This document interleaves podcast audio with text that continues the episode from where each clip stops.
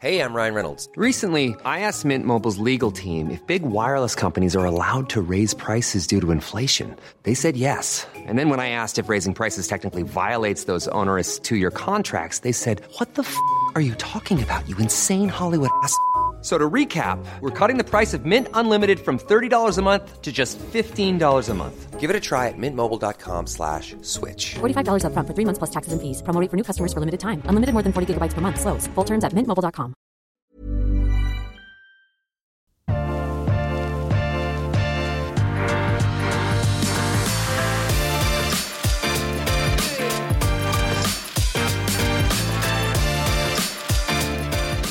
Svein, vi er heldige at du følger med, eh, fordi du la merke til at det kom en litt spesiell flaske tilgjengelig nå på polet. Eh, du var nede raskt og skaffet deg et av de første eksemplarene. Det er alltid gøy å smake en ny årgang av viner man er glad i, de beste vinene som finnes på polet. Eh, og en av de, det er DP, Dom Perignon. Så vi har fått tak i eh, 2013-årgangen av Dom Perignon. Skal smake den her nå for første gang i dag. Og da tenkte vi kanskje i den anledning å minne dere som hører på, hvordan 2013-årgangen i utgangspunktet generelt var i, i champagne. Bruke anledningen til det før vi smaker den og sier hva vi synes. Og vi har smaker den nå for første gang Ja, ja. eh, her, så det er ikke noen gamle smakssoldater. Det er box fresh. Nei, dette er box fresh. Uh, og det er egentlig noe vi kanskje Mm. tenkte kunne være nyttig å gjøre i, i flere episoder når det kommer nye spennende um, årganger ehm, Eller om årgangen er spennende, vet ikke, men i hvert fall når det Mm. kommer nye årganger av spennende viner som vi er glad i, som vi har lyst til å teste og sjekke hvordan står det til med dette området eller denne vinen eh, i år. Så kanskje vi kan gå gjennom den årgangen for å minne oss selv og dere som lytter på, hvordan det egentlig sto til. Ja, det, for, og det tror du er veldig riktig. det, for det at, eh, sånn som jeg, jeg følger, ja, jeg følger mye med. sant? Mm. Og da er det når eh, enkelte merker, og ikke minst områder som kommer, så ligger jeg kanskje 14 dager, tre uker før en eh, årgang slippes. Men i noen merker, f.eks. sånn som Moët og Krug og andre merker, der er det rett og slett bare sånn at du må følge med på lagersituasjoner og forskjellig, og plutselig så dukket det opp en palle. eh, og da, hvordan er det mulig? Eh, Ja. Og da snudde jeg bilen min og kjørte rett ned på Skøyenpolet og banket på døren mer eller mindre og, og hentet en flaske ut. Eh, og eh, tenkte ok, den, den må jeg smake. Eh, Og vi tenker kanskje at det er en type innhold som treffer litt bredt blant oss vinnerder. At det er en del viner man faktisk har lyst til å få en status. Hvordan var den vinen? Vi skal ikke bruke en time på det. nei. Det er det viktigste vi sier nå. At vi, vi, dette, dette er ikke de kjempelange episodene, men de episodene som kanskje du bare raskt kan få med deg. Hvordan var DP? Men da begynner vi å, å gå gjennom først hvordan eh, 2013-årgangen var i, i champagne. Det er en årgang som hadde eh, i, i, i forkant startet med en ganske kald eh, vår, hadde en veldig kald vinter.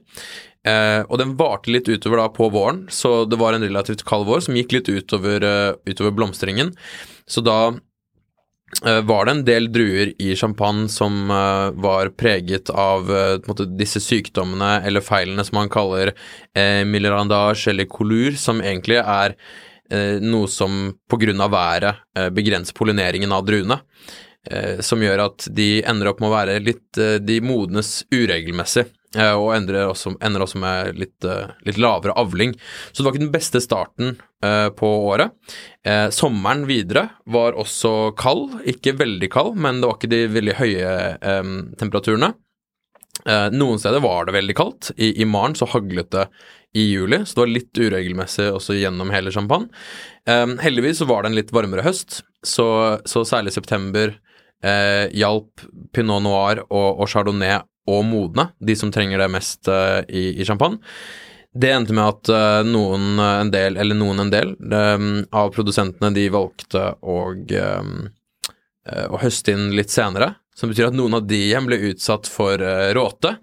Men, men måte årgangen ble litt reddet, reddet den høsten, da. I sum så var det de Så var det chardonnay, eh, altså champagnene basert på chardonnay-druen, som klarte seg best. Så blank til blank er egentlig vinene å se opp for generelt i 2013-årgangen. Eh, så det var da noen steder i Cote Blanc og noen steder i Maren som gjorde det spesielt bra, så det finnes noen ordentlig gode viner eh, fra champagne også fra eh, 2013. Og så var det noen pinoter fra AI som, som gjorde det bra også.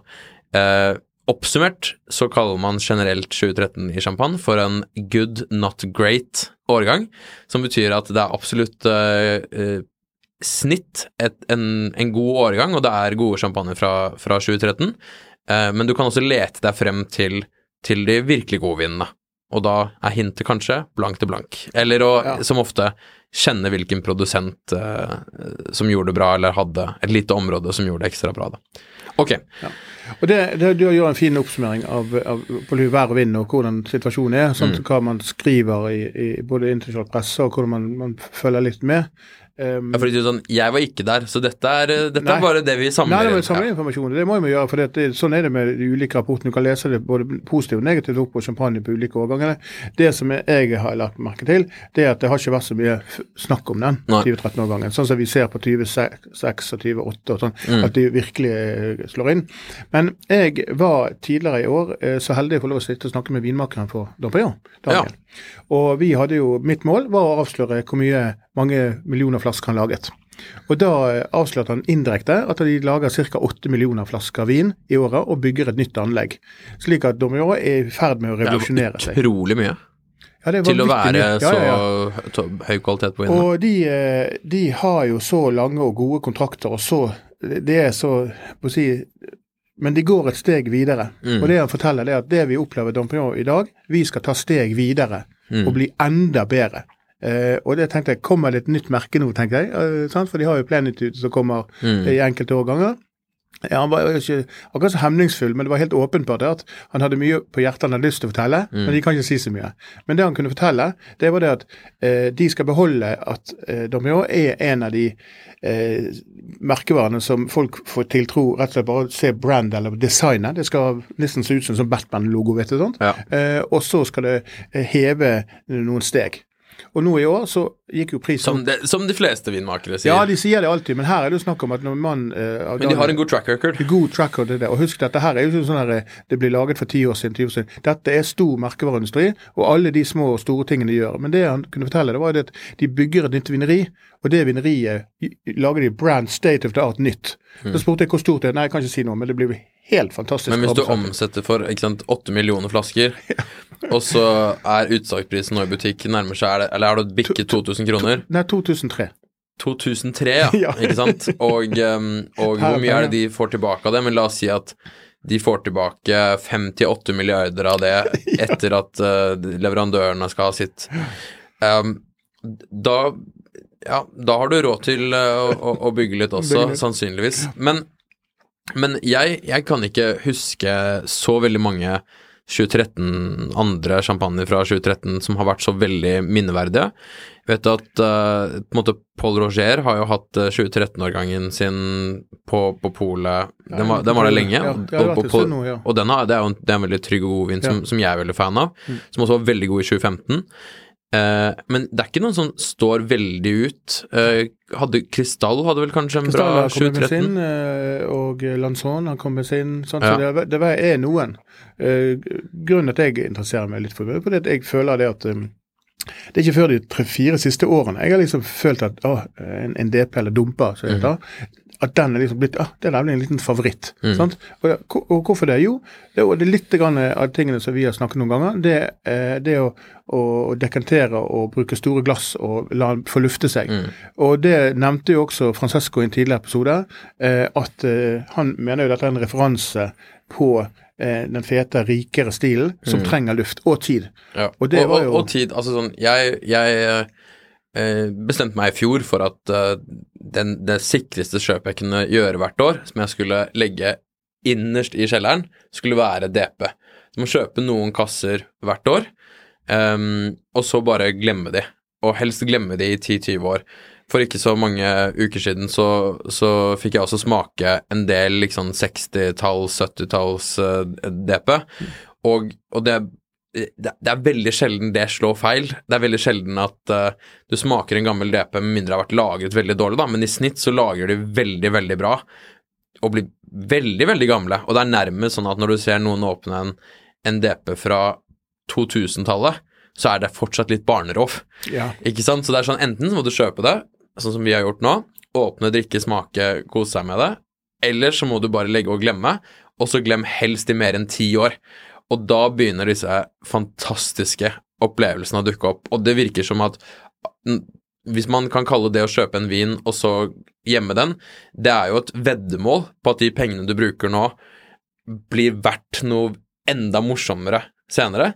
Og for meg så virker DP som et av de tryggeste veddemålene. Så, så jeg kommer til å kjøpe det. Nå har vi nå smaker det, så jeg kan på en måte bekrefte det. Det er ikke så veldig overraskende at, at toppene er jo ofte bra, da, i hvert fall Ja, når de ja, velger å lage de, lage de i årgang. Ja. Vi skal gå gjennom det. Før vi går gjennom det uh, gjennom denne flasken, uh, Svein, så tenkte jeg bare å takke vår sponsor raskt. eh, Fordi vi har ikke verdens lengste episode denne gangen, så vi må bare få, få det unna. Men, men um, vi er fortsatt sponsa av Temptec, eh, og, og vi setter kjempepris på at Temptec gidder å, å sponse denne podkasten. De lager ehm, vinskap for de som bryr seg om vin. Eh, den siste eh, modellen som de vil at vi skal fortelle dere om, det er den som de kaller Prestige Pro. Det er den, på en måte, et av deres samlerskap, så dere skjønner hvilket publikum dere er når dere får, den eh, reklamen trukket over dere. Men den har en ting som passer veldig bra i denne episoden her, og er, vi har nevnt det tidligere, men her er det plass til forskjellige flaskestørrelser, inkludert champagne. Og det er ikke alltid noe man tenker over når man kjøper et uh, vinskap du tror selvfølgelig har en plass til alle flaskene mine, men så har du kjøpt et som bare har plass til Bordeaux-flasker, i verste fall de smaleste av burgundflaskene, og så når du har en Magnum eller du har en champagne, så funker det ikke. Ok, da må du lete eh, etter et nytt vinskap, eller så kan du gjøre sånn som Temptec foreslår. Kjøp fra de med en gang. så de har plass til alle flasker. Eh, Burgund, champagne, eh, Riesling, eh, Magnum. Eh, og så har de det de kaller labelhus, man kan få vist fram noen av de flaskene og, som man kan glede seg til. Og så har de selvfølgelig alle de andre tingene som gjør et, et godt vinskap til et godt vinskap. Uh, jeg tror alle har hørt den mange ganger nå, men temperatur, luftfuktighet, you name it. Tusen takk, Temtec. Tilbake til DP. Ok. Svein, hva er førsteinntrykket ditt her? Ja, altså eh, På, på nese eh, så, så, så kjenner du at den er ung. Den har fortsatt fruktige aroma. Han har jo selvfølgelig litt eh, type, type helt vanlig type brioche, eller ikke så, så mye ganger brødbakstaktig. Eh, Litt soppkarakter. Eh, men den fremstår umiddelbart så fruktdrevet. og sånt umiddelbart. Eh, han har jo en stor tyngde i, i konsentrasjon av duft, bare med det første sniffet. Eh, og jeg eh, har jo da nå, eh, når jeg har gått litt inn i dybden på DP de siste årene, så opplever jeg ofte det at den er best etter noen timer, og best dagen derpå, faktisk. mm. men denne her, når vi skal smake på den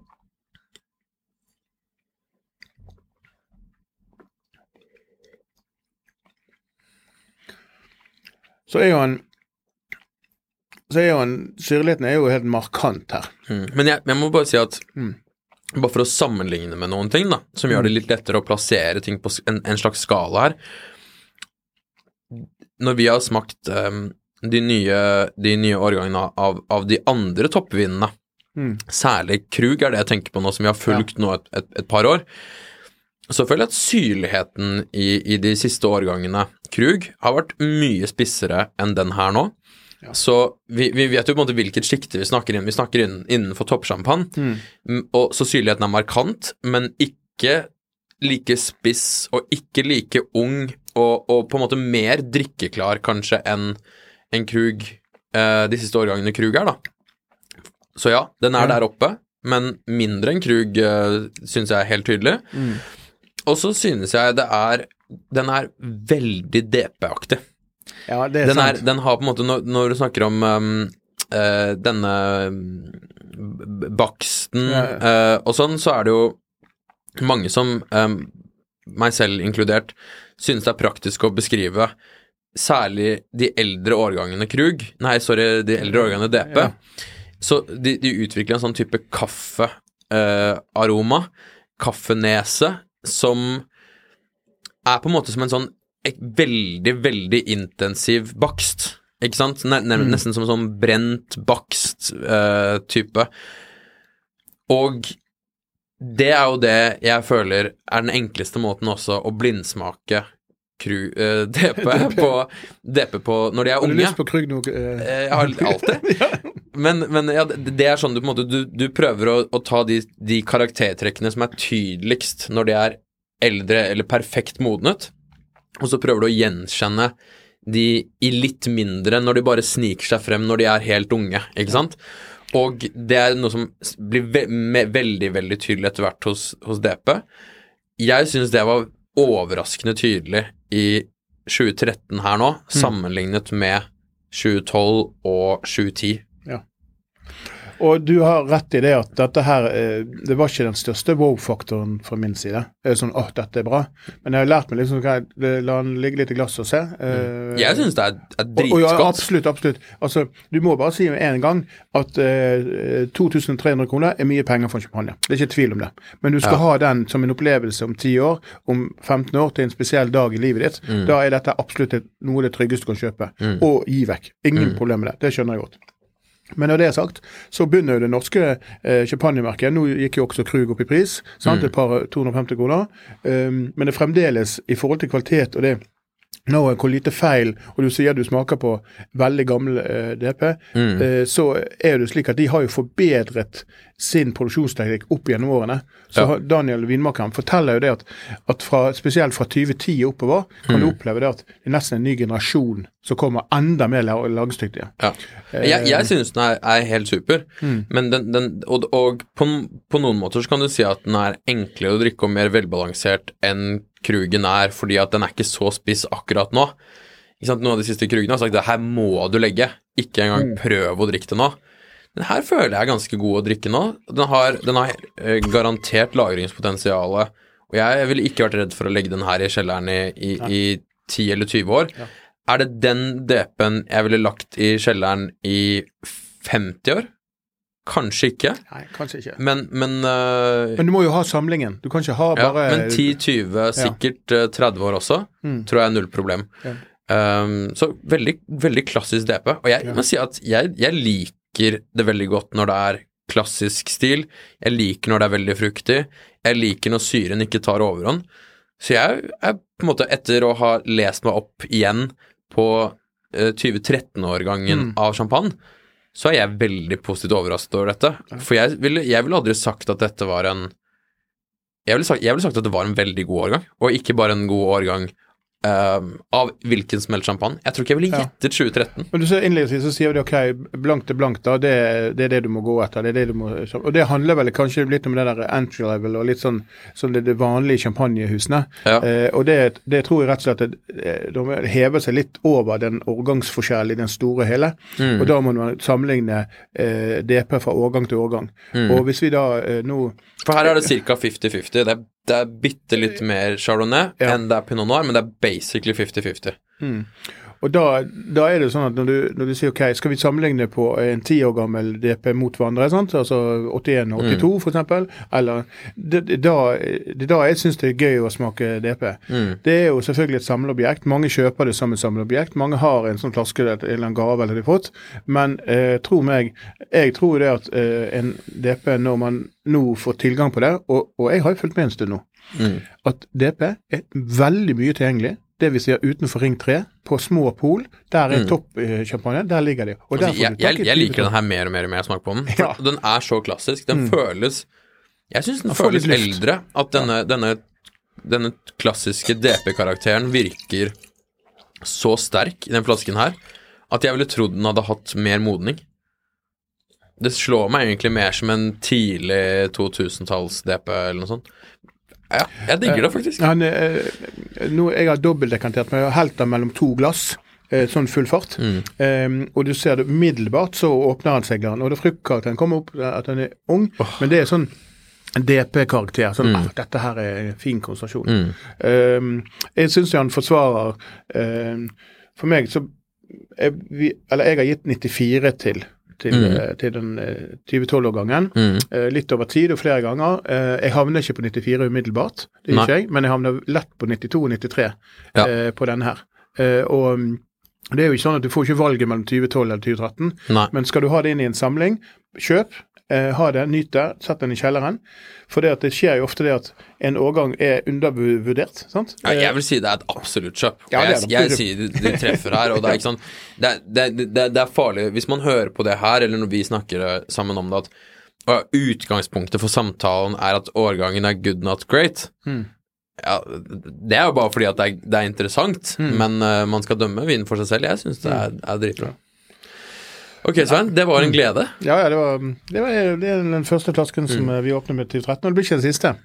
Vi har jo åpnet champagne Dompignon siden 2008-årgangen. Ja. Der har vi sablet. 2009 har vi sablet. 2012 og 2010 har vi eh, smakt. Så vi, vi har en del sånne åpnede flasker på kontoret mitt. Ja. Så den her skal vi også ta oss og tømme, og sørge for å sette på hyllen. Mm. eh, Og ha det som en sånn eh, en reise, eh, som en referansevin. For det er det det er. Mm. Og hvis, eh, jeg, jeg kan også nevne da hvis man har lyst til å se noen eh, eldre årganger av DP nylig smakt, hvordan smaker de akkurat nå, som var, eh, som var bra lagret, sjekk innom Vinify-profilen min, der ligger alle smaksnotatene. Mm. Uh, uh, dine smaksnotater på alle viner ligger også i, i Vinify. Um, de neste episodene så skal vi, vi skal finne noen av Polets beste kjøp i de neste episodene. Og så skal vi uh, ha noen ganske kule produsentbesøk. Og vi har, vi har egentlig ganske mye kule planer for hele året. Ja. Men vi skal kanskje gjøre litt mer av dette, og kunne gå på én vin som vi har veldig lyst til å prøve, som alle bør vite hvordan smaker, og så gå gjennom årgangen på uh, det området samtidig. Sånn at vi kan endelig lære oss å begynne å huske litt hvordan de forskjellige årgangene er, fordi det er noe av det jeg sliter med, så det er Ja, jeg tror jeg ikke er den eneste. Ja. Men da, når du ikke er den eneste, så er det sikkert flere. Ja. Okay, Skål. eh, Skål. Fin start på en av årets første sendinger. Yes. Ever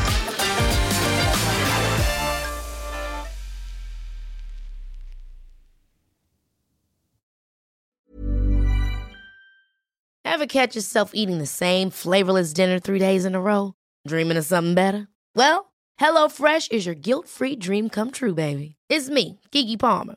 Let's wake up those taste buds with hot, juicy pecan crusted chicken or garlic butter shrimp scampi. Mm. Hello Fresh. Stop dreaming of all the delicious possibilities and dig in at HelloFresh.com. Let's get this dinner party started.